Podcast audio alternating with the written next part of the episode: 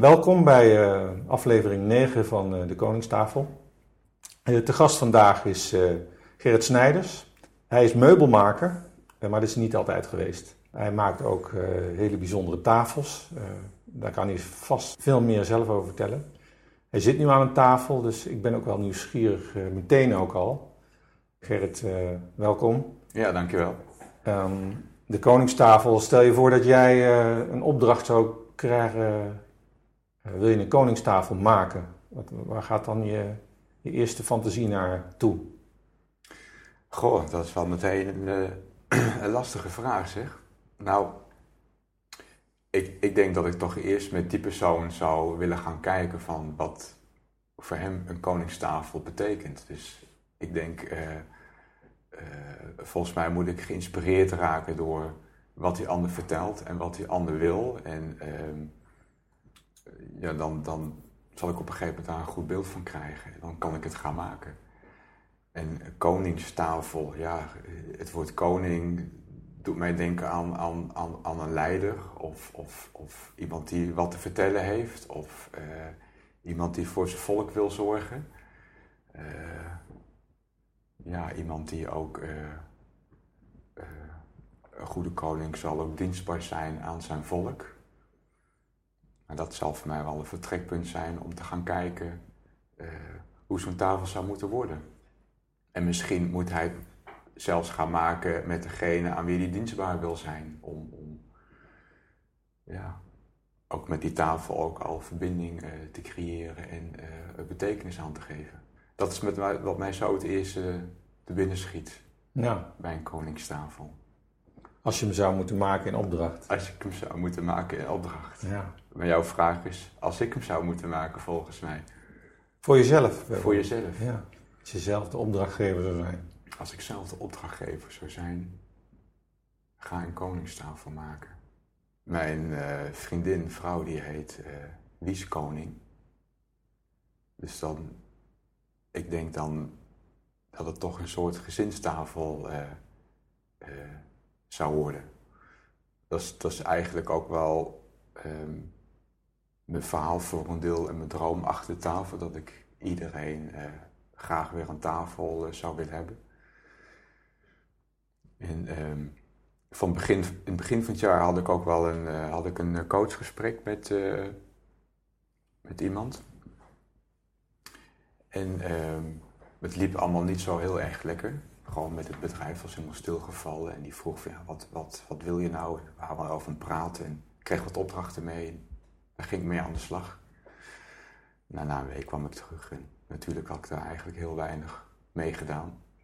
Toen vroeg ze, ja, maar wat wil je dan echt? Ja, toen kwam ik eigenlijk toch wel achter van dat, dat gewoon mijn gezin toch wel heel belangrijk was. Want het liep eigenlijk ook niet zo, uh, zo soepeltjes meer. Ik zeg, ja, eigenlijk zou ik het liefst met mijn gezin weer aan tafel willen.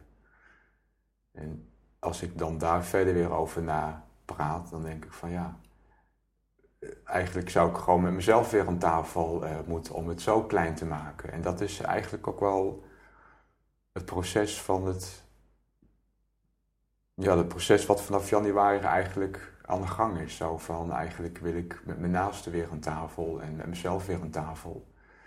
En als je het dan hebt over een koningstafel maken, ja, dan vind ik dat eigenlijk wel een mooie metafoor om uh, met het gezin ja, weer uh, aan tafel te komen.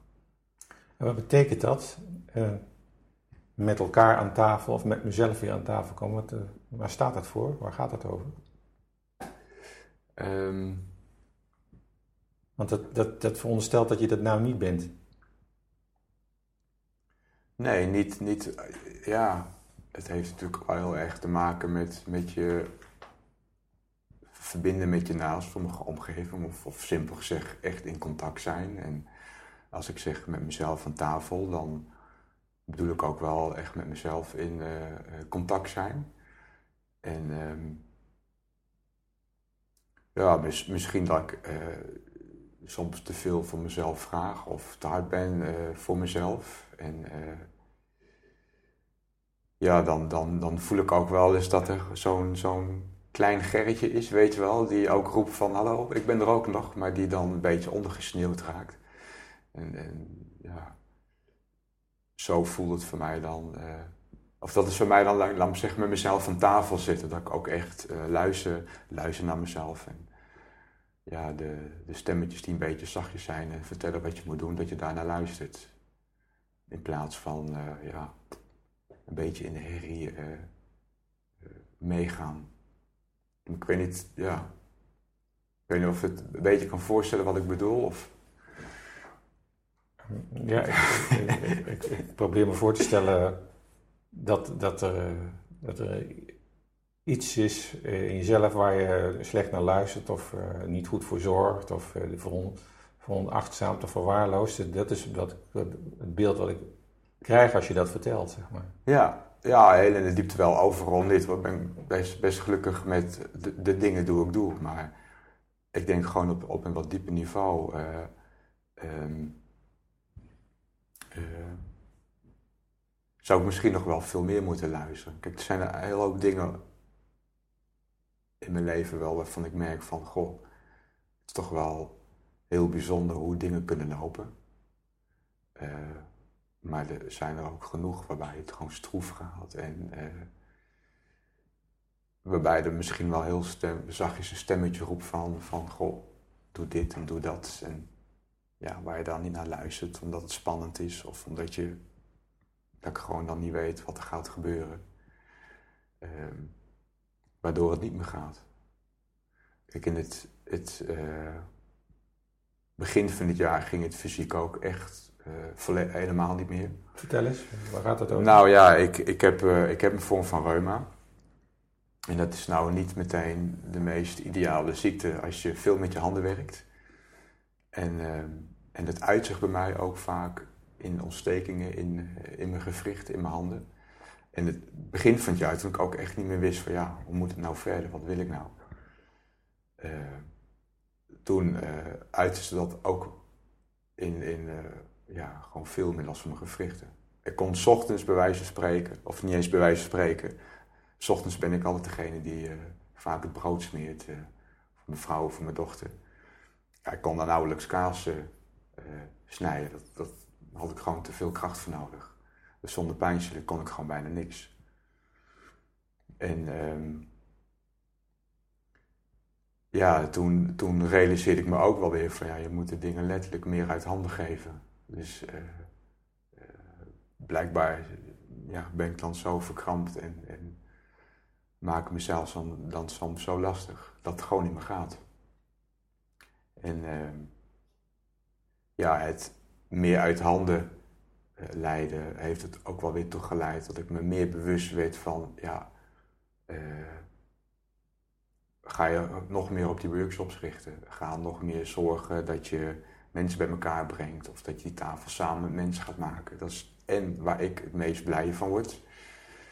En het belast me fysiek ook veel minder dan dat ik zelf allerlei dingen in elkaar sta te, timmeren. Dus snap je? Dus, en ja, dus je, je kunt helemaal verbitterd raken omdat, je, eh, omdat het fysiek niet meer gaat. Of je gaat gewoon luisteren wat het, wat, wat het op dat moment jou te vertellen heeft. En je probeert, uh, je probeert gewoon je koers een beetje bij te stellen en gaat dan weer verder. Hm. En toen ik me dat ook wel weer bewust werd van ja, uh, geef de dingen meer uit handen. Ga je ook wat meer op de workshops richten. Um, ga je verhaal, ja dat is wel mooi. Ga je verhaal meer doen dat was het ook van, van ik, ik, wil graag het verhaal achter de tafel vertellen en, en wat meer ideeën daarbij zijn. En uh, dat was januari. En dat op het moment uh, uh, belde jij mij ook op. Hè? Of heb je me uitgenodigd voor, een, voor die cursus Authentiek Spreken. nou, dat, dat vind ik dan ook wel weer zo'n moment van, oh ja, op het moment dat je voor jezelf weer duidelijk hebt wat je wil, dan begint dat weer. Mm In februari heb ik uh, mijn verhaal kunnen vertellen. Twee uur lang. En vervolgens kwam er weer een opdracht voor een grotere workshop voor een, eh, voor een bedrijf. Dus toen begon het in één keer weer, uh, ja, toen begon het in één keer weer te stromen. Dus als jij je verhaal gaat vertellen, hoor ik je zeggen, dan gaat het weer stromen. Ja. ja. En, en, en wat is het verhaal achter de tafel? Want zo noemde je het net, hè? Ja, ja, het verhaal achter de tafel.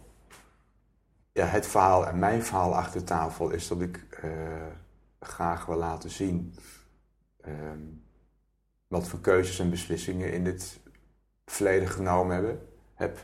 Jijzelf? Ja, ja. En, en om te laten zien waar, hoe ik gekomen ben op de plek waar ik nu ben. En dat, nou, daar zullen we het denk ik ook nog wel in dit interview over, over hebben. En anderzijds heb ik ook gewoon uh, uh, het verhaal van de tafel zelf. Gewoon ehm, het verhaal van dat, dat een, plankje heeft van zichzelf geen waarde. Maar het krijgt pas waarde als je het met elkaar gaat verbinden. ontstaat er een nieuw product. ik heb gewoon gemerkt dat het bij mensen eigenlijk hetzelfde werkt. Van we zijn zo erg geneigd om ideeën en, en, en dingen bij onszelf te houden omdat we bang zijn dat een ander ermee vandoor gaat. Of dat je uitgelachen wordt. Of nou ja, wat dan ook. We houden bij ons.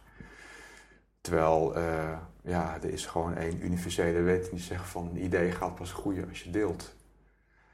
En dat, ik vind dat die tafel dat laat zien. Dus al die verschillende verhalen, al die verschillende stukjes heb je in één keer een tafel. En als je dat met een gezin gaat doen of met een groep en iedereen neemt wat mee, ja, de, de, dan, dan, dan ontstaat er iets. Ook het proces en het resultaat verbind je heel mooi bij elkaar.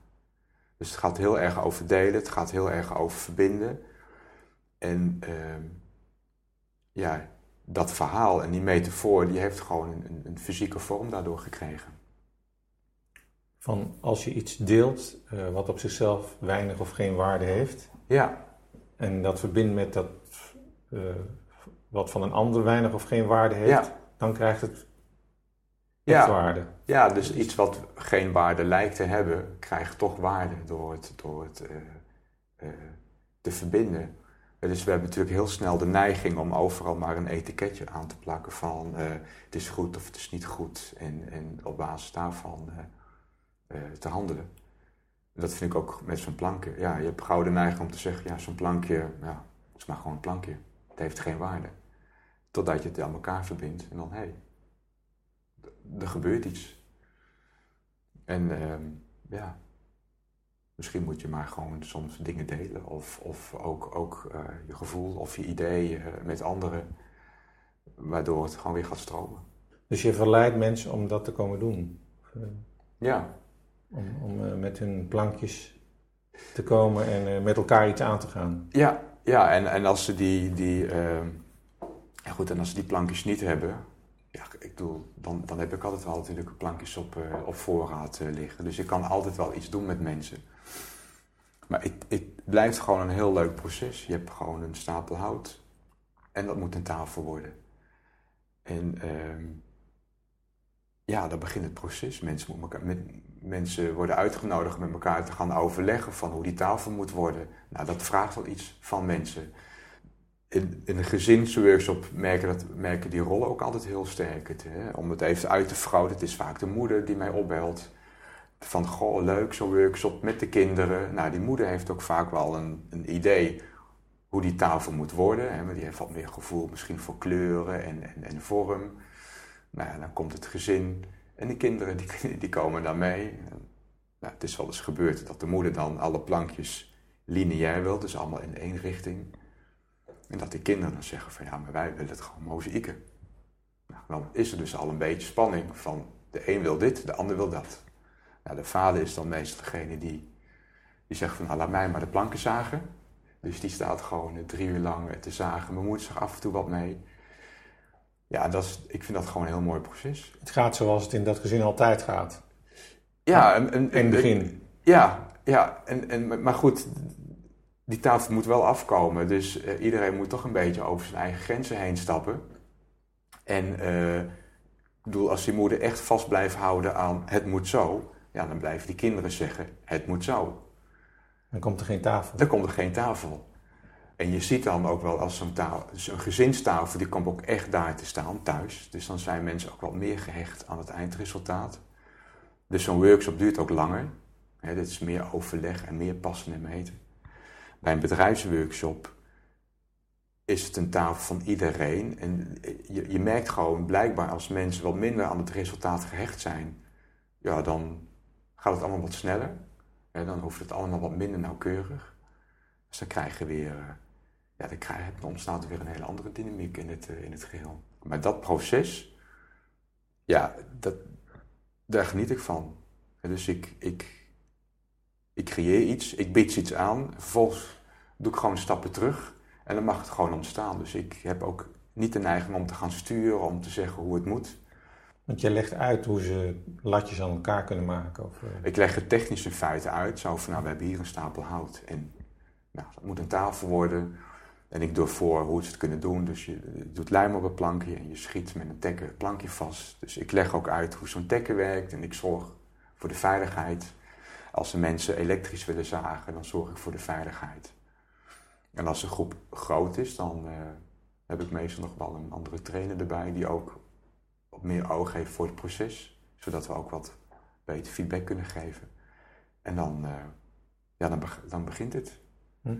En uh, we hebben wel eens een groep gehad, waar, waarbij het ook echt ging om team, teambuilding en, en samenwerken.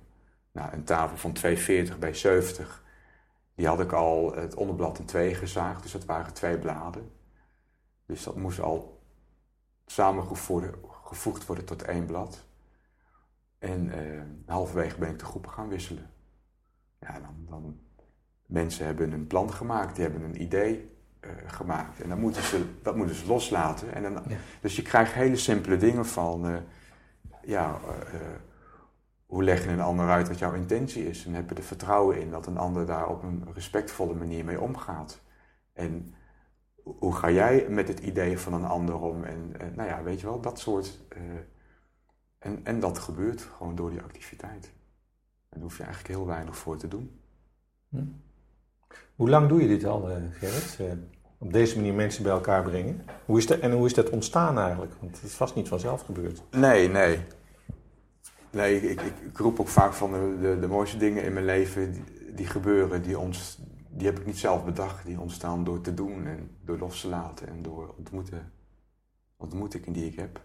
Um, in 2007 heb ik eh, besloten om een meubelmakerij te beginnen. Ben je niet altijd geweest? Nee, nee, nee, nee.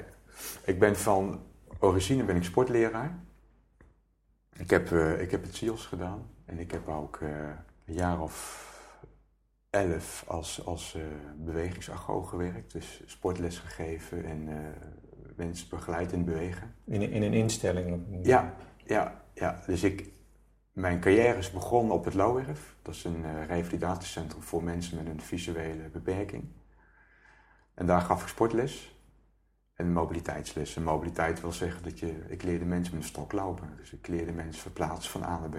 En ehm, ja, daar vond ik het, het, het, het, trainen en het coachen en het werken met mensen toch al, altijd wel heel erg leuk. Alleen ja, na 10, 11 jaar bij één instelling had ik wel de neiging van, nou, ik wil, uh, ik wil nog wel eens even verder kijken wat op deze wereld te doen is. Dus toen ben ik de reintegratiewereld ingegaan. Dat was begin 2000. En uh, zo ben ik bij een bedrijf terechtgekomen. En uh, ja, gaf ik trainingen en, en begeleide mensen. Ja, dat ging eigenlijk al heel erg vanzelf. Dat heb ik anderhalf jaar gedaan. En uh, toen uh, zat ik met een cliënt en die vond een advertentie. Die had ze uitgescheurd en aan de onderkant van die advertentie zag ik nog net een andere vacature voor een, waar ze een trainer zochten bij het IVCD, Instituut voor Creatief Denken. En daar heb ik gesolliciteerd als trainer en nou, daar heb ik een, eh, een jaar gewerkt. Maar goed, dat liep allemaal niet zo, dus ik werd daar ontslagen. En toen ben ik weer voor een reintegratiebedrijf uh, gaan werken. En uh, nou, na twee verlengde contracten werd ik daar ook weer, uh, werd het contract niet verlengd, dus werd ik ook ontslagen. En toen begon ik een, een meubelmakerij. Zomaar ineens? toen ik op het LOEF werkte, dus dat, dat revalidatiecentrum, toen heb ik daar ook al een, een paar jaar lang technische handvaardigheid deels gegeven. Ik vond het leuk om met mijn handen te werken en ze zagen dat ik handig was. Van nou, wil jij niet de, docent die dat geeft ondersteunen? En ehm, ik weet nog wel, toen ik bij het IVCD werkte, daar werkte Rob. En Rob die, die had 25 jaar bij de recherche gewerkt, bij de politie. En die was een klusbedrijf begonnen. Dus die stond daar te schilderen en die had daar een hele mooie soort pianobar gemaakt. En eigenlijk wat hij deed, vond ik gaver dan wat ik deed. Dus toen merkte ik al van, ik zou wel toch wel wat meer met mijn handen willen werken. En toen ik bij uh, dat tweede reintegratiebedrijf werkte, ja, toen, toen voelde ik dat heel sterk. Alleen ik durfde dat niet. Ik had een baan en je gaat niet zomaar je baan opgeven en, en, en een klussenbedrijf of, of een meubelmakerij beginnen. Maar ik zat er wel altijd een beetje te googlen en te zoeken op, op, uh, op klussenbedrijven of meubelmakerijen. En in ieder geval besloot ik in 2005 om een, uh, om een cursus meubelmaken te doen bij uh, Hans Koot in Renken. Om echt ambachtelijk het vak te leren. Ja, dat vond ik gewoon waanzinnig. En toen in, in 2006 ik ontslagen werd, de directeur heeft het persoonlijk toen naar mij verteld van ja, we, gaan afscheid van je nemen. Ik baalde ze stuk en ik ja shit, weet je wel, weer in de WW en weer dat gedoe. Maar ik heb er ook bedankt. Dat had ze nog nooit meegemaakt, dat mensen er bedankt uh, voor, het, uh, voor het ontslag. Dus ik zei van ja, ik bedoel, ik, ik begrijp wel waarom jullie met mij verder willen. Ja, dat biedt mij ook de kans om uh, ja, te gaan doen wat ik echt graag wil. En ik, had ook wel een, een, Ik had me ooit ingeschreven bij de Kamer van Koophandel. Uh, met een coachingsbedrijf om mensen te coachen. En om af en toe uh, als ik uh, een vriend met een training hielp, een factuurtje te kunnen schrijven. Dus ik denk, nou, ik ga een trainingsbedrijf verder opbouwen. Dus die, het UWC van, nou oké, ga dat maar doen. En na een week kwam ik terug en ik zeg van, nou, ik ga het anders doen. Ik ga met maken. Nou, toen knippen ze even met mijn ogen, maar blijkbaar had ik genoeg passie en vuur in mijn ogen dat ik dat mocht gaan uh, opzetten. Toen heb ik met zo'n startersuitkering uh, dat gedaan. En ik werkte nog een aantal uren bij een stichting waar ik bij mensen begeleide, maar ja, dat werkte niet. Dan was ik twee uur ergens bezig en dan moest ik weer naar mijn werk. Dus van de, ergens in juli heb ik gezegd van nou stop ik mee. Toen had ik niks meer, toen had geen uitkering, uh, geen inkomen. En toen begonnen voor het eerst zo de opdrachtjes te komen. Dus, dus uh, van een opleiding uh, sportleraar en uh, andere mensen helpen reïntegreren, ja. ging je zelf ook reïntegreren eigenlijk. Ja. Maar dan naar het vak van meubelmaker. Ja, ja blijkbaar had ik het nodig om, om mezelf letterlijk terug te trekken in een hok en, en, en mijn eigen ding te gaan doen. En dat vind ik ook weer zo'n mooi voorbeeld. Blijkbaar als ik echt iets heel graag wil, wat je echt zo sterk bij jezelf voelt van ja, dit moet ik gewoon doen. Dat de dingen die je nodig hebt, je ook krijgt. We hebben naast ons, uh, een, stond al jaren een, oude smederij leeg. Die man was overleden en dat was gewoon een schuur die leeg stond. En een andere buurman verderop, die ving op dat ik... Uh, als hobby meubelmaker deed. En had zoiets van, joh, maar dat is toch een hartstikke mooie schuur voor jou. Ik had achter in de tuin had ik een overkapping gebouwd van uh, eh, 3 bij 2. Waar ik dan een werkbank kon neerzetten en dan tussendoor plankjes kon zagen. Ja, en in één keer, uh, uh, door overleg met die eigenaar, kon ik gewoon een schuur in van 40 vierkante meter. Dat is best een grote ruimte als daar alleen maar één werkbank in staat. nou ja, toen, toen kwam er ook een zaag en andere spullen. En toen besloot ik op een gegeven moment van dat ik echt voor mezelf ga, ga beginnen. Toen had ik naast mijn huis gewoon een werkplaats voor uh, ja, een paar tientjes in de maand. Dus snap je, dat was ook wel weer, ja, dat was ook wel weer heel gaaf. En uh, ook een hele leuke tijd, omdat, ja, mijn dochter is in 2005, uh, of onze dochter is in 2005 geboren. Ja, dus die, die, die, die toen ik daar veel bezig was, ik kwam er vaak tussendoor binnenlopen en ook even mee uh, zagen en uh, frutselen. Dus dat had ook wel iets heel romantisch, weet je wel. Uh, een papa die meubelmaker is en dan af en toe tussendoor aan de keukentafel weer koffie komt drinken. Die zo dichtbij was. Die ook zo dichtbij was. Dus daar heb ik ook wel enorm van genoten. Maar in 2007, 2008, 2008 was ook echt het eerste jaar dat ik helemaal volledig uh, vol ging. En dat jaar ging ik best goed. En toen werd het 2009 en toen uh, liepen de opdrachten terug. En ik wist het eigenlijk ook niet meer helemaal van ja, is dit het nou? Want het was ook wel heel erg solistisch. En, en uh, ja, ik, ik zat alleen maar in die schuur en voor de rest, ja, ik vond dat ook wel weer heel erg beperkend. En um, ja, 2010 werd het echt helemaal uh, beroerd. Ook tegenvallers van de Belastingdienst. Ik had natuurlijk altijd in loondienst gewerkt. En dan krijg je gewoon elke maand je voorlopige teruggave, je hypotheekaftrek. Dat had ik niet stopgezet. En als je als ondernemer heel weinig verdient, ja, dan krijg je geen uh, belastingteruggave. En mijn vrouw die werkte bij de politie. Ja, en dat liep allemaal niet zo uh, lekker meer. Dus die is daar gestopt. Die kon terug, gelukkig terugvallen op een, op een, op een uitkering. Dus we hadden nog wel wat inkomen. Ja, die, die stopte met werken, was redelijk tegen het overspannen aan. Mijn inkomen liep opnieuw terug. En toen in één keer kwam de Belastingdienst van ja, u heeft twee jaar lang te veel uh, voorlopig teruggave gehad. Of dat even terug wilde betalen. Dus inkomen ging enorm terug. Woonlasten gingen met ruim 300 euro per maand omhoog. Ja. Ik wist niet meer precies uh, wat ik wilde en wat ik moest doen. Ja, dat was wel heel erg lastig. En toen kreeg ik in één keer iets in de bus van de Sintins, een event, een goede met sociale netwerken begreep eigenlijk helemaal niet wat ze bedoelden, maar sociale netwerken. Maar toch voel je je toe aangetrokken. Ja, maar dat vond ik het mooie. Van, ik voelde, ik had weer echt zo'n gevoel van binnen van, ik weet niet waarom, maar ik moet hier naartoe. Nou, ik daar naartoe. En er was daar een, een durfde vragen sessie.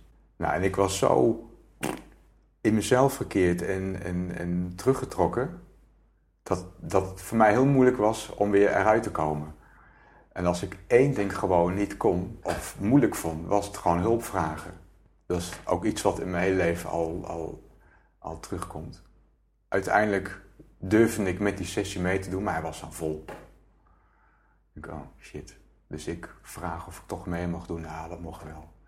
En die durfde vragen sessie was al min of meer afgelopen. Er was nog tijd voor één vraag. En dan kon nog net mijn hand omhoog steken. En er was een durft vragensessie met, uh, met Niels Roemer. En uh, ja, goed, ja, ik ben meubelmaker en ik wil graag wat bekender worden. En het liefst maak ik tafels. Dat was toen al, dat ik het liefst tafels maakte. En uh, nou ja, Niels die was toen en nu ook nog natuurlijk, is heel sterk bezig rondom het thema sociale overwaarde. Waar hij mee bedoelt van, we hebben met z'n allen veel te veel, maar liggen op de verkeerde plek. En als je dat weet te verbinden, die waarden, dan kun je bergen verzetten. En zijn idee was altijd van, om al mensen tijdens lezingen te vragen van, ja, wie van jullie heeft er een plankje ergens op zolder liggen? Uh, een plankje wat eigenlijk helemaal geen waarde heeft, maar als het gaat verbinden, ontstaat een nieuwe waarde. En zo raakte ik met hem in gesprek en uh, hadden we zoiets van, nou ja, laten we die tafel dan maar gewoon eens gaan maken.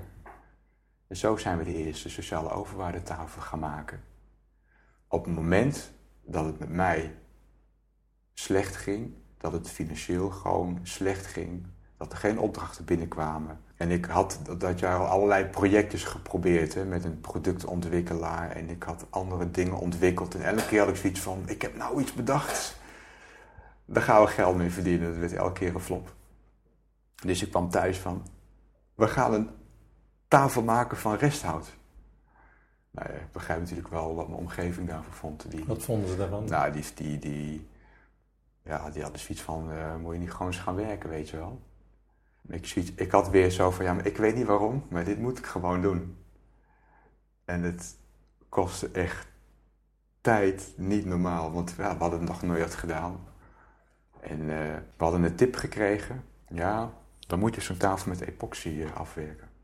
Okay. Scheepslak of hars? Ja, dat is een soort twee componenten eh, hars, wat je, wat op, waar ik nu nog steeds mee werk. Maar ja, we hadden dat nog nooit gedaan. Dus wij eventjes uh, voor een paar honderd euro van je rotzo besteld. En uh, ja, gemengd, op die tafel gemikt, koffie drinken.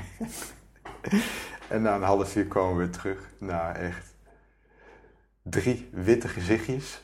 Starend naar een tafel helemaal schuimen, barsten, luchtbellen.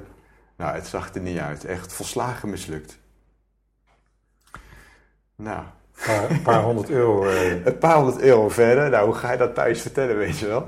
Eh, geen inkomen. Eh, een project wat ogenschijnlijk volslagen mislukt. Ja, mislukken en ophouden, dat komt niet in mijn woordenboek voor. Dus ik bijt me er dan in vast en dan, dan wil ik toch mee verder. Dus maar eens gaan bellen hoe je dat doet. Werken met epoxy. Ja, ja, alles wat we zo'n beetje fout hadden gedaan, konden doen, dat hadden we fout gedaan. Het was te warm, we hadden te veel aangemaakt. Nou ja, dus eh, samen met de buurman van Niels, eh, ook een Gerrit, hebben die tafel baan voor baan weer helemaal afgevreesd. En je kent hem, hè, de, de sociale overwaardetafel in de waarmakerij. Ja. Nou, als je daar goed naar kijkt, zie je soms in een rood plank in één keer een spoor van 2 centimeter breed. Dat is dan een vrees die iets te diep door de epoxy ging en een stukje hout meenam.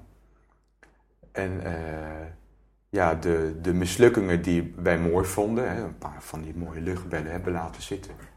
En toen zijn we gewoon rustig gaan weer die epoxy gaan opbouwen. En die tafel laat, vind ik wel heel mooi zien, wat het verhaal is, maar ook wat het proces is. En dat maakt die tafel ook zo mooi. Van de mislukkingen en het verhaal zit erin. Ehm, en in dit jaar zat ik nog een beetje te, te, te spartelen in het diepe. Van ja, wat moet ik nou? Dit vind ik toch wel heel erg gaaf. Dit wil ik doen. Want dit gaat weer om verbinding. Dit gaat weer om, om, om een thema waar ik wel wat vaker mee bezig was geweest. Maar blijkbaar even afstand van had genomen. Ja, en toen ging het nog slechter. Ik bedoel, toen kreeg ik nog wel weer een opdracht met het verprutsnik. Die raak je niet kwijt. En, en, en ik kreeg een ontsteking onderaan mijn ogen met echt zo'n bel. Dus ik, ik weet wel, ik zag er niet uit en het liep allemaal niet. tegenslag op tegenslag. Ja, en eh, toen eh, belde Menno, daar wil ik zo ook nog wel wat over vertellen. Menno belde me op of ik meeging naar een eh, film, As It Is in Heaven. Die had ik al eens een keertje gezien, maar die werd nou wat groot in een zaaltje gedraaid. Dus daar ging ik mee naartoe. Dus dat gaf ook wel weer wat, eh, wat inspiratie. En eh, ja, hij heeft me toen een paar schop onder mijn reet gegeven. Ja, je moet gewoon wat gaan doen. Ik zei, ja, ik, ik, ik weet gewoon niet meer. Ik krijg gewoon niets meer uit mijn handen.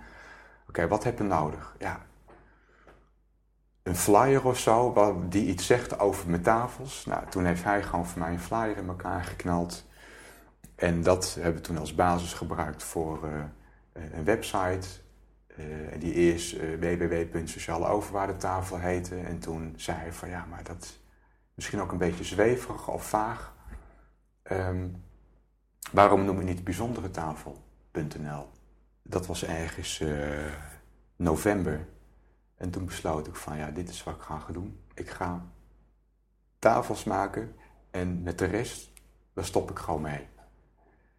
En toen ik die beslissing nam, toen kwam eh, Niels naar me toe van... eh, ik ben uitgenodigd voor een programma bij de Icon, hoe zal ik u ontvangen? Dat gaat over sociale overwaarde en dat willen ze dan aan een tafel doen. En nou, ik heb gezegd van oké, eh, maar die tafel die we hadden was daar te groot voor. wil jij dan een andere tafel maken? Dus dat was gewoon betaalde opdracht. Dus ik een tafel gemaakt voor dat kerstprogramma. En eh, ja, die is gewoon heel gaaf geworden. En die programma wordt nog steeds gebruikt in, eh, in eh, het programma van Annemiek Schrijvers. Het Vermoeden. Je praat er nog steeds aan die tafel. Ja, ik kijk nog wel eens zondagochtend om 11 uur. En, vorig jaar keek ik nog eens een keertje Rob de Nijs aan mijn tafel. Of een keertje iemand van het Koningshuis aan, nou ja, de tafel die ik dan gemaakt heb. Dus dat, is, dat was wel heel gaaf. En vervolgens belde een vriend van mij op. die heeft een sportschool, Geert van Dijk. Die gingen verbouwen. En of ik dus een, een, een wachtkamertafel wilde maken. En eh, een, vergadertafel. Die was heel erg geïnspireerd over het verhaal. Hij noemt ook altijd de, de, de dialoogtafel of de waardetafel. Dus hij, ja, dus hij heeft met zijn collega's hout ingezameld. En ik heb daar dus een tafel van gemaakt. Dus ik had in één keer weer inkomen. Snap je? Het begon te lopen. En, en eh, Wat, wat maakte nou dat het ging lopen, denk je? nou, één, dat ik de beslissing nam van dit is wat ik ga doen. En eh, dat ik stopte met het andere, de meubelmakerij, wat ook gewoon niet werkte. Eh, dus ik, ik, ik denk dat ik dat hele jaar al lang dat, dat verlangen had van ja, er moet iets anders gebeuren, maar ik wist niet wat. Ik vind dat in mijn leven wel bijzonder, dat ook al weet ik niet altijd wat ik wil, zijn er zoveel momenten die ik kan pakken als kans uh, om, het, om het weer een nieuwe, uh, ja, een nieuwe vaart te geven. dus als ik weer terugga naar dat moment van ehm, die uitnodiging voor groeien met sociale netwerken, ja, ik begreep er echt geen reet van. Ja, ik, ik moest gaan. Ik weet nog wel dat, Niels, dat ik met Niels belde over een keertje afspreken. En, en, en Niels vertelde mij iets over Seven Days of Inspiration. En ze hadden een overleg in Utrecht. En echt, ik begreep er helemaal niets van. Maar ik heb gewoon letterlijk mijn gereedschap laten vallen. Ik ben op de trein gestapt. En ik ben er naartoe gegaan. En ik heb er anderhalf uur gezeten. En ik begreep het nog steeds niet. Ik denk, waar hebben die mensen het over, weet je wel? Ik begreep er niks van, maar ik begreep één ding wel. Dit gaat wel over mensen, dit gaat over samen doen, dit gaat over verbinding. En ik, ik kreeg energie omdat ik weer uh, onder de mensen was. En zo kwam ik in het Arnhemse netwerk. En ik begon gewoon weer blij te worden. Dus ik verdiende, ik verdiende niks. Maar dat waren allemaal momenten van, ja, dit moet ik blijkbaar doen. Je begon blij te worden omdat je onder de mensen kwam, ook al begreep je niet waar ze mee bezig waren. Ja, ik, er gebeurde daar iets. Ik denk van ja, ik, ik, ik snap niet wat er hier gebeurt. En toch vind ik het gaaf. En uh, moet ik het blijven doen. Dus ik, ik begreep echt niet waarom ik daar zat. Eerder in het gesprek uh, zei je iets over uh, iets met hulpvragen. En je zei, daar ga ik nog wel iets over vertellen. Oh ja. En, en het, het, verhaal tot nu toe, daarin valt me op dat je eigenlijk keer op keer hulp hebt aangeboden gekregen. Ja. Ongevraagd eigenlijk. Um, niet één keer heb ik je horen vertellen dat je iemand om hulp gevraagd hebt zelf. Nee. Eh, eh, klopt dat, mijn waarneming? Ja, ja. Hoe komt dat eigenlijk? Ja, ik vraag wel eens om hulp, maar dat, dat, ik vind dat wel, uh, dat is wel iets wat ik gewoon heel, uh, heel lastig vind. Waar komt dat vandaan? Ja, ik denk dat die, die, dat die basis wel, of, of die basis, die beslissing ergens als klein kind uh, genomen is. Ik kan me nog wel een, een, een, een, een flits of een, van een situatie herinneren waarbij ik als, als klein kind, uh, ik denk een jaar of vier, vijf, op de, op de kleuterschool zat. En ik moest naar de wc. En ik was klaar. En ik riep heel hard, juf, klaar. Nou, de juf die komt. Ja, en die zegt van, ja, kom, Hè? Dat kun je zelf ook wel. Nou, dat, dat heeft blijkbaar zo'n impact op mij gehad dat ik toen heb besloten van, oh, ik uh, vraag nooit meer iets, ik doe voortaan alles wel alleen. Ik denk als ik gewoon naar mijn carrière krijg, kijk, dan hebben die beslissingen mij enorm geholpen. Want op het moment dat je beslist, ik doe het wel allemaal alleen, en je dus niet iets vraagt, dan moet je wel heel erg goed zijn in de dingen die je doet.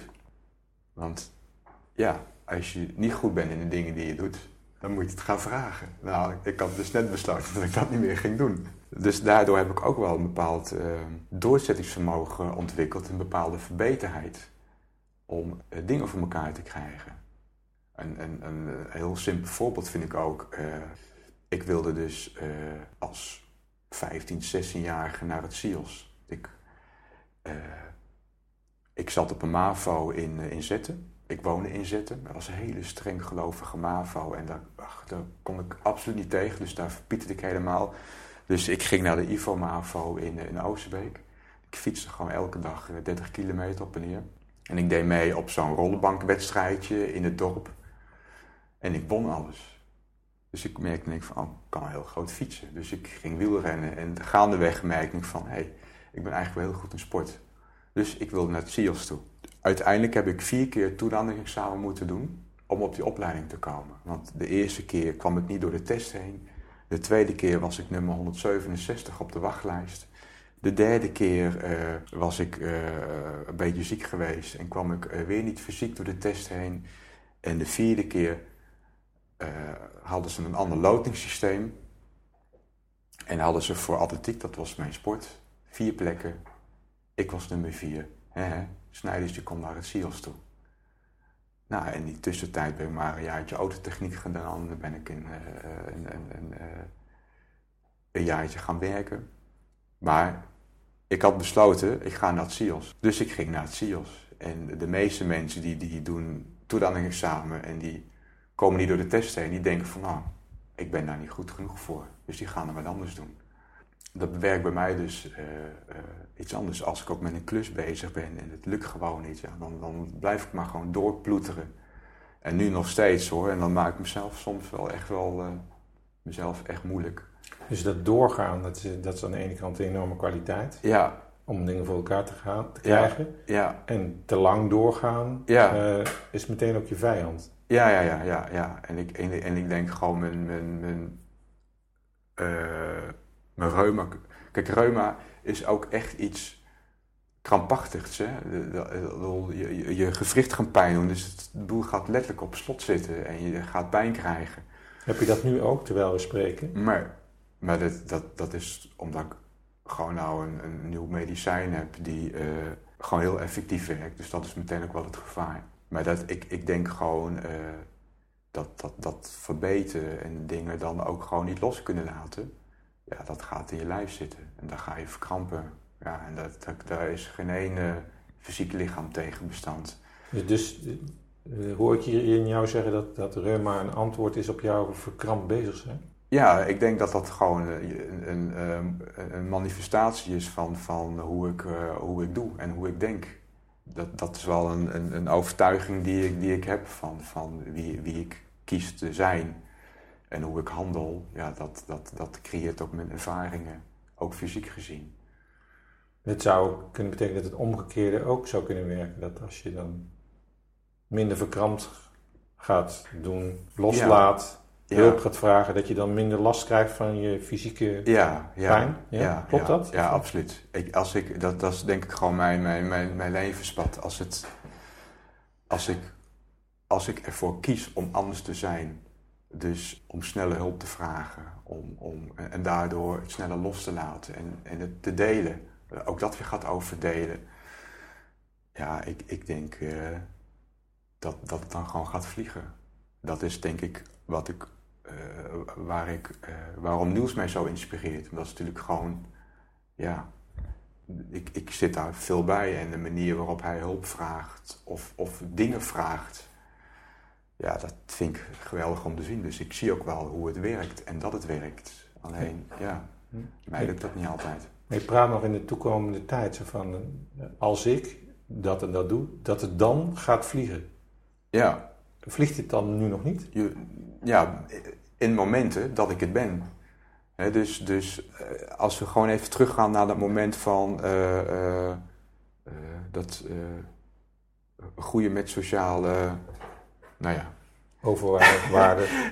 dat moment dat ik, dat mijn hart zei, mijn hele, hele ziel zei, schrijf in voor die deur te vragen sessie.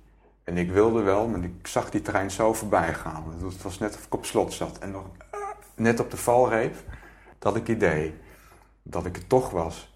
Die hele durfde vragen sessie zag ik mooie dingen gebeuren. Het ging eigenlijk allemaal voorbij, maar ik durfde nog net mijn hand opsteken.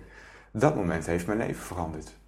Als ik mijn vinger daar niet omhoog had gestoken, ja, dan was mijn relatie naar de knop gegaan. En uh, nou ja, door daar te vragen van ik ben meubelmaker en uh, ik wil iets met tafels en bla bla bla. Toen gebeurde er wat. Dus blijkbaar als de druk heel groot is en de wereld instort, nou, dan, dan zal Snijders een keertje, uh, als je alles zelf al heeft geprobeerd, een keertje iets gaan vragen. Maar het zou een stuk makkelijker zijn als ik, uh, als ik het soms wat eerder zou doen. Dus ik doe het wel. En op momenten uh, dat ik het doe, zie ik ook meteen, ja, weet je wel, dan, dan, dan gebeurt er ook wat. Maar wat staat je in de weg om het altijd overal te doen? Hulp vragen, je verhaal vertellen? Ja, eigenlijk zou ik misschien meer moeten vragen aan anderen om een verhaal te kunnen doen. Daar vraag ik ook niet echt om, terwijl ik maar gelukkig, ja, ik al eerder gezegd, uh, blijkbaar gebeuren dan toch dingen dat ik het kan doen. Ja, ik denk dat dat toch een soort faalangst uh, bij, bij, mij is. Om dingen te vragen of ik, ja, ik vind het heel moeilijk om daar uh, de vinger op te leggen. Wat, wat heb je meegekregen van, van huis op dat vlak? Wat voor boodschappen? Ja, het, het, het, was niet zo dat er bij ons nooit gepraat werd over dingen. Ik was als kind zelf altijd al heel teruggetrokken. Ik, bedoel, ik, ik had gewoon een kamer op zolder en daar, daar, ja, daar zat ik altijd, weet je wel. In mijn eigen droomwereldje. En als kind ben ik ook wel eens naar, naar, naar een kinderpsycholoog geweest of zo. Uh, omdat er blijkbaar iets, iets aan de hand was of zo. Maar dat, dat Vonden ik, zij? Ja, ja, nee, precies. Ik, dat, dat, dat weet ik wel. Dat, dat mijn, denk mijn moeder wel altijd vond dat er iets uh, met mij aan de hand was. En dat snap ik op zich ook wel. Want voor mijn vierde jaar of vijfde jaar was ik al uh, vier keer geopereerd. En was drie, toen ik drie weken was, uh, dan lag ik met een wat was dat, gesloten maagingang of maaguitgang al onder het mes, omdat ik geen eten binnenkreeg. En nu kijkend naar mijn eigen dochter, ik kan me voorstellen als je kind voor de vier, vijfde al vier keer geopereerd is, dat je dan wel heel snel heel bezorgd bent. Dus ik denk dat dat, dat, dat, dat wel een, een misschien overdreven reacties geweest van, uh, oeh, er is iets mis met die jongen. Terwijl ik denk van ja, er is helemaal niks mis met mij. Want volgens mij heb ik het aardig ver geschopt. Maar uh, dat vind ik ook het dubbele, want ik, ik, ik vind mezelf niet heldhaftig of zo. Terwijl anders zeg je, ja, maar ondernemen en, ja, en, en dan verdien je helemaal niks. En dan kies je toch voor, je, ja, voor je hart of voor je passie denk, ja, daar, daar, dat is iets, ja, maar kan volgens mij ook gewoon niet anders. Maar heel veel, uh, misschien minder spannende dingen, ja, dan, dan handel ik niet of zo. Of dan, dan, dan ga ik niet om hulp vragen. Of dan laat ik het er gewoon bij liggen. Ik vind het nog steeds wel heel spannend om, om nou, wat, wat ik echt dingen organiseren of iets opzetten, dan doe ik het gewoon, gewoon in mijn broek of dingen, dingen regelen. Dat is denk ik van ja, dat, dat is wel iets bij het ondernemen hoort, maar dat, dat vind ik echt, uh, dat vind ik echt gewoon vreselijk. En daar zit volgens mij ook wel echt wel ja, een soort van faalangst achter van oh, als dat maar goed gaat en ik weet niet of dat kan. En uh, ja, dan, dan, dan krijg ik kramp in mijn nek en, en pff, vind ik allemaal partij ingewikkeld. Dus je moet iedere keer eigenlijk opnieuw uit dat, uit dat kamertje komen. Ja, ja. Nee, dat, dat, zo voelt het ook wel. Van, van, dat, dat, dat gaat ook met... Ik moet gewoon wel mezelf dwingen dat ik blijf gaan, dat ik de dingen... Uh, uh, dat ik gewoon in actie blijf. Maar ik merk wel dat ik nog steeds wel de neiging heb om in mijn hoofd te gaan zitten en, en, en me terug te trekken en mijn eigen gang te willen gaan. En dat, dat heb ik ook af en toe ook wel nodig. Maar wil, wil mijn leven ook een beetje lekker gaan lopen, dan moet ik ook echt letterlijk eruit. Dus, dus van, het, uh, van het kamertje naar de tafel? Ja. Maar dan niet in je eentje? Ja. De, aan die tafel zitten meerdere mensen? Ja. Ja of, of zit jij in ieder geval uh, zelf aan die tafel uh, met het idee dat er mensen kunnen komen? ja, zo gebeurt het in feite wel. Want ik, ik, ik uh, uh, ben niet heel actief om te zorgen dat mensen aan tafel komen. Maar ik, ik merk wel meer en meer dat er steeds meer mensen aan tafel komen. En dat komt dan, denk ik, ook doordat ik toch wel ja, regelmatig mijn verhaal hou en, en mensen vertel wat ik doe. Ja, en dan gebeuren er denk ik dingen om je heen die je zelf in de gaten hebt. Maar ik heb... Uh, ik ben zelf niet zo heel erg actief met acquisitie of dat ik overal naartoe ga om ja, te zorgen dat ik mijn business binnenhaal.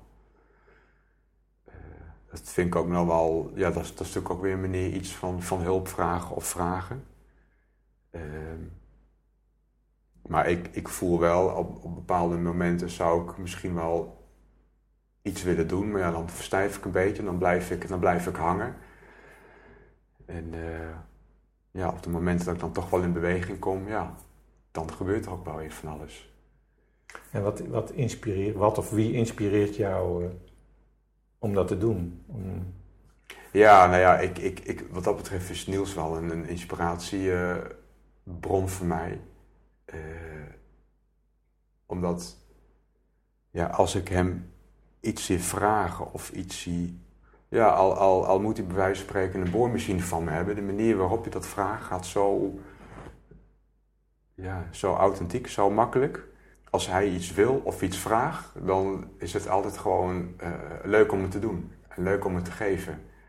Dus ik, ik, uh, dus ik realiseer me ook wel op het moment dat ik gewoon iets niet vraag, ja, dan ontneem ik iemand ook wel de kans om, om te helpen.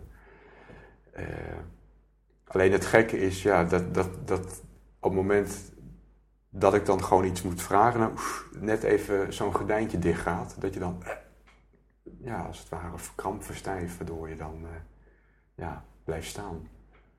En ja, ik, ik denk dat dat wel mijn ontwikkeling in, in, in de weg zit. Ik, ik weet dat ik een mooi product heb, ik weet dat ik gave dingen doe.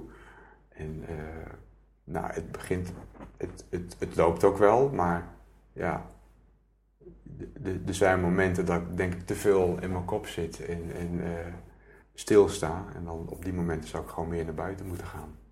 Ik weet ook wel, er komt nu ook wel een, een, een, maand en dat het weer wat rustiger is. Dan heb ik gewoon minder opdrachten. Ja, dan ga ik ook wel weer sneller piekeren. Of dan nou, ga ik achter mijn laptop zitten en dan ga ik plannen maken.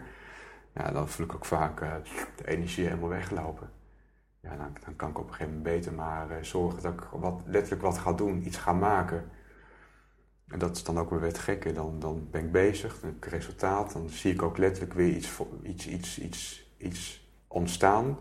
Nou, dan voel ik me ook weer beter. En dan komt er weer glimlach. En dan gaat het vanzelf ook wel weer lopen. Ja, weet je, misschien past het ook wel bij mij dat het op die manier gaat. En, en uh, dat is ook wat ik bedoel, van ja, met mezelf aan tafel zitten, uh, verwacht ik wel van mezelf dat het dan weer op die manier moet. Of vergelijk ik me met, met, iemand die ik inspireer, die ik inspirerend vind. En verwacht ik van mezelf dat ik dat dan ook op die manier doe. Maar ja, dat is hoe hij het doet. En uh, ja, het, aan de andere kant vertrouw ik ook wel weer als ik zie hoe dingen bij mij gelopen zijn, uh, vind ik dan ook wel weer bijzonder dat als ik een werkplaats nodig heb, dat die er is. Of uh, dat ik dan toch die stap maak om ergens naartoe te gaan waarvan ik helemaal niet weet wat er gaat gebeuren, dat dat een enorme impact is. Dus dat er op een of andere manier ook wel heel vaak gewoon voor me gezorgd wordt. Snap je? Dat, dat, dat, mm. ja, ik weet ook niet hoe ik dat moet uitleggen, maar het feit dat ik gewoon nu hier zit, denk ja, dat vind ik ook gewoon een wondertje. Snap je? Dus um, ik merk ook wel op het moment dat ik echt ergens op uit ben. En uh, ja, dan ga ik mezelf ook wel in de weg staan. Het is goed dat ik, dat ik mijn hart volg. Of, of dat, ik, dat ik gewoon weet wat dat gevoel is. En dat misschien ook wel uitspreek. Ja, en vervolgens moet ik misschien ook maar een stap naar achteren doen. En zorgen dat het universum, of hoe dan ook, dat dit, voor, dat, dat dit te gang kan brengen. In plaats van uh, dat ik heel krampachtig uh, de deur uit ga en probeer allerlei dingen te realiseren. Dat werkt dus bij mij niet. Misschien bij een ander wel, maar ja, dat vind ik ook het moeilijk. Misschien ook wel in de maatschappij dat er dingen van je verwacht worden. En je moet een plan maken en je moet dit en je moet dat. En uh, je moet acquisitie doen, je moet zus doen. Terwijl ik soms merk, als ik gewoon helemaal niks doe en ik ga gewoon een uur fietsen, ja, dat heeft soms meer effect dan een week lang plannen maken. En toch blijft dat ook elke keer maar weer doen. Misschien is dat het antwoord wel. Eh, dan. Ja. Gewoon weer ophouden. Stoppen. ja. Gewoon fietsen.